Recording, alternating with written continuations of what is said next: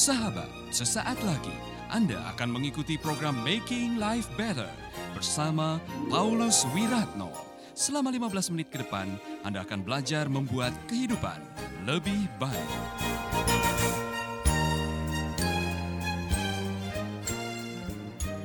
Yang kedua, kolesterol kedua dalam kepemimpinan adalah rasa takut.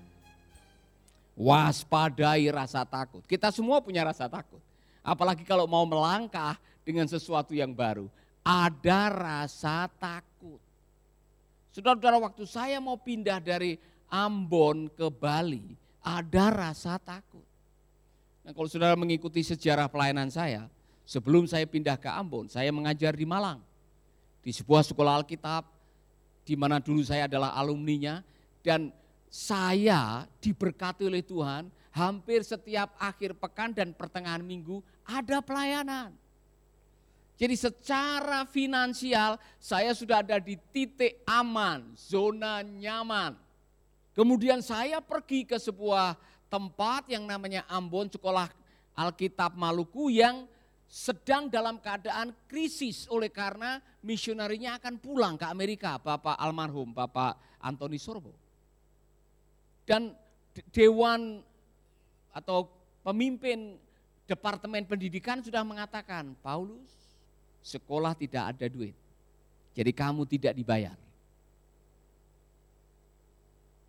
Nah, banyak yang tidak tahu saudara-saudara bahwa saya tidak dibayar. Jadi ketika saya minta waktu tiga bulan untuk berdoa. Salah satu ketakutan saya adalah nanti anak saya makan apa? Nanti bagaimana masa depan mereka?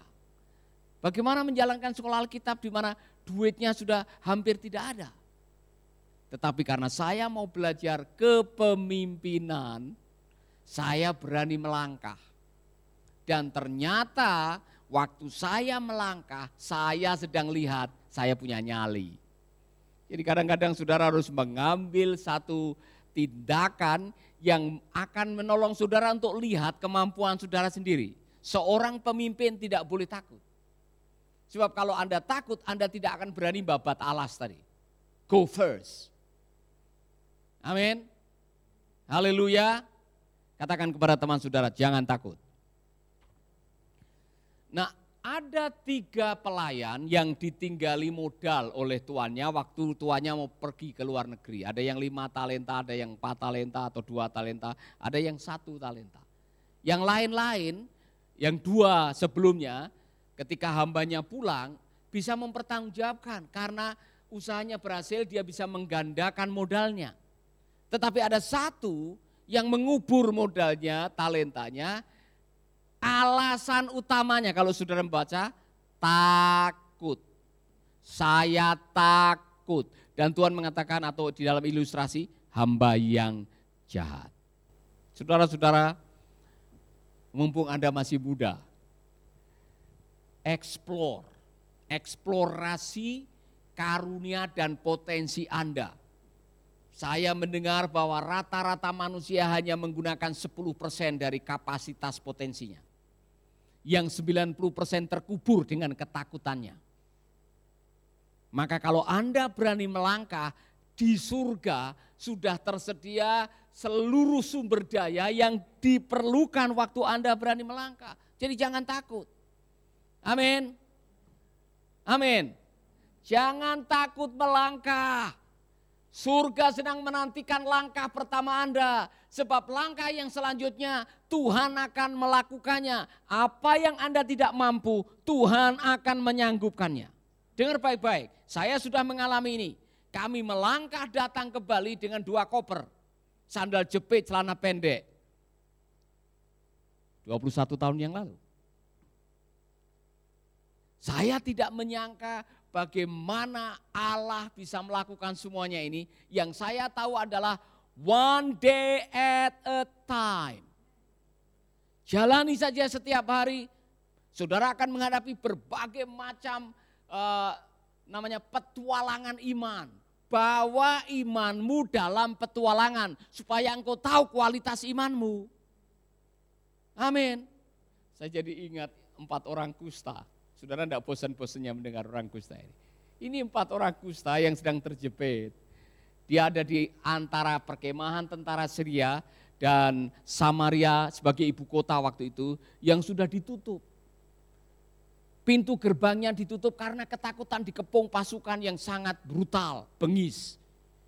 Mereka empat orang ini saya yakin masih banyak orang-orang kusta yang lain. Tapi yang empat ini berani berdiskusi mengatasi rasa takutnya. Ngapain kita duduk-duduk di sini sampai mati?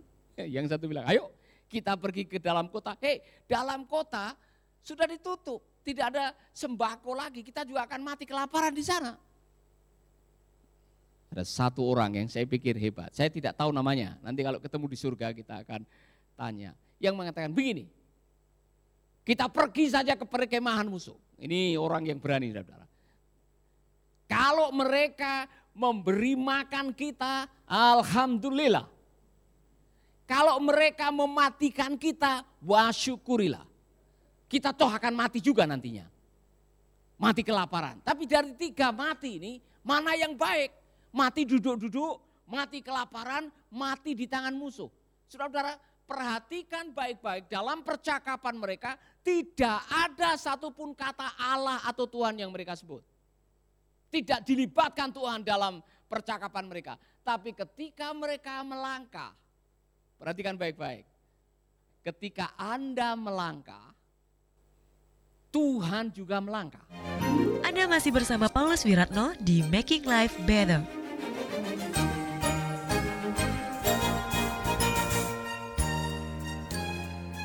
Sehingga langkah empat kaki ini seperti atau delapan kaki ini seperti pasukan berkuda yang jumlahnya ribuan. Sehingga tentara Aram lari tunggang lagang meninggalkan barang jarahan. Ini empat tidak menyangka. Ya tidak menyangka. Saudara-saudara saya bersyukur mereka tidak tahu apa penyebab tentara tentara-tentara Syria ini lari. Kalau mereka tahu bahwa ada urapan Tuhan, mereka bisa sombong tuh. Weh, lihat nih, kita hanya berempat. Lihat kaki saya, sudah tidak ada jarinya. Ya kan? Tapi kalian semua bisa lari dari saya. Mereka bisa sombong. Untung aja mereka tidak tahu. Sampai hari ini mereka tidak tahu bahwa Tuhan yang membesarkan volume mereka. Amin. Jadi ini pelajaran yang luar biasa. Langkah dulu, melangkah dulu baru mujizatnya terjadi. Jangan tunggu semuanya ada baru berjalan. Saudara-saudara yang nanti dulu Pak, nanti dulu. Nanti setelah semua tersedia, semua akses dibuka, semua sumber daya sudah diberikan, baru saya melangkah. Telat, cara Tuhan bekerja tidak seperti itu. Lakukan dulu bagianmu, sisanya yang kamu tidak bisa melakukan, Tuhan melakukannya. Amin. Haleluya. Jadi nanti saudara-saudara kalau di Gianyar ada House of apa? Glory house of restoration yang besar ya kan, imannya besar, ya kan nanti ada kafenya, ada fitnessnya, ya kan. Itu dimulai dari sekarang. Ya sewa tempat di atas itu yang kecil, dimulai dulu. Tapi itu adalah langkah awal, nanti Tuhan akan menguji kita. Kita semua, kita mulai dengan di Jalan Suli 49. Rumah kecil, saudara-saudara. Saya masih ingat hanya ada berapa kamar, Bu Ani paling tahu sama Pak Tommy waktu itu. Eh, masih belum nikah waktu itu ya. Itu kamarnya kecil-kecil dan terlalu banyak orang di situ. Kami pakai garasi kalau tidak salah untuk kelas atau kantor waktu itu. Kami mulai dengan situ. Saya masih ingat kalau hujan deras banjir. Kami mulai dengan apa yang ada. Saya pernah menggadekan televisi, menggadekan HP. Kami memulai dengan apa yang ada tapi itu adalah bagian daripada proses. Jangan takut melangkah. Sekarang malah saya takut, saudara-saudara. Takut karena terlalu banyak orang yang mengharapkan kita bisa melakukan yang sama. Tadi pagi Pak Rudi Mulyono juga sharing dengan kami, apakah bisa ada radio nanti di tempatnya dia. Saudara-saudara, ada banyak orang-orang yang mengharapkan kita bisa menopang mereka karena Bapak punya sistem, Bapak punya uh, manajemen yang bagus, bisa enggak kami belajar dari Bapak? Silahkan.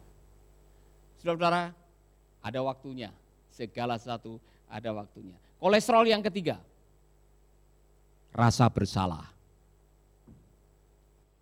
Rasa bersalah.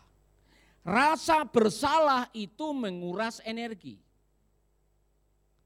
Dan kalimat yang bagus begini. Anda tidak bisa merasa bersalah dan punya keyakinan diri pada saat yang sama.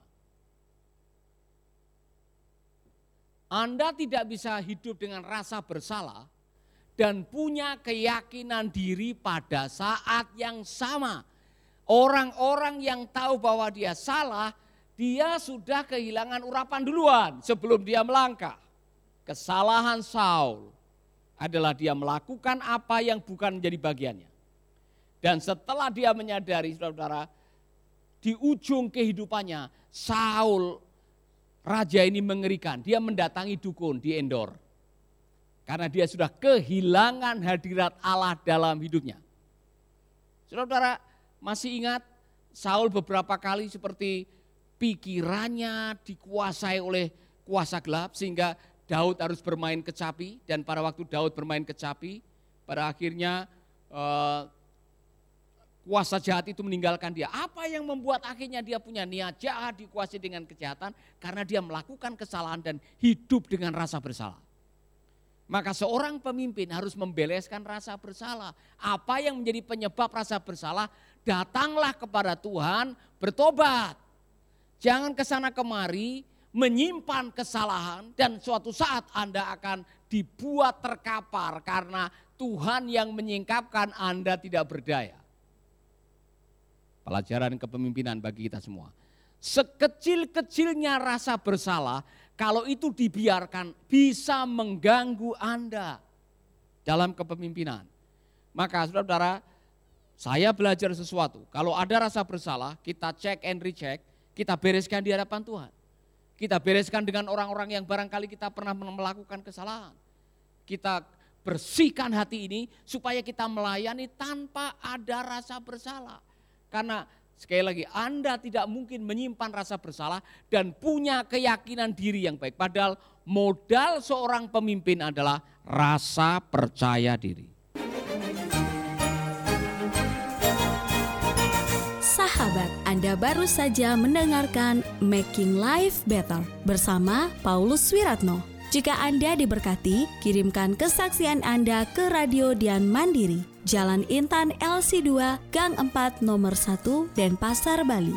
Kunjungi website kami di pauluswiratno.com, Facebook Paulus Wiratno. Hubungi kami di 0811 3901 144 dan 0811 3901 140. Sekali lagi 0811 3901 144 dan 0811 3901 140. Anda juga bisa mendengarkan program Making Life Better ini melalui handphone Anda. Download aplikasinya di Play Store atau App Store. Sahabat, Mari dukung program Making Life Better ini melalui rekening BCA 6690300525. Sekali lagi, rekening BCA 6690300525 atas nama Wiratno. Terima kasih, Tuhan Yesus memberkati.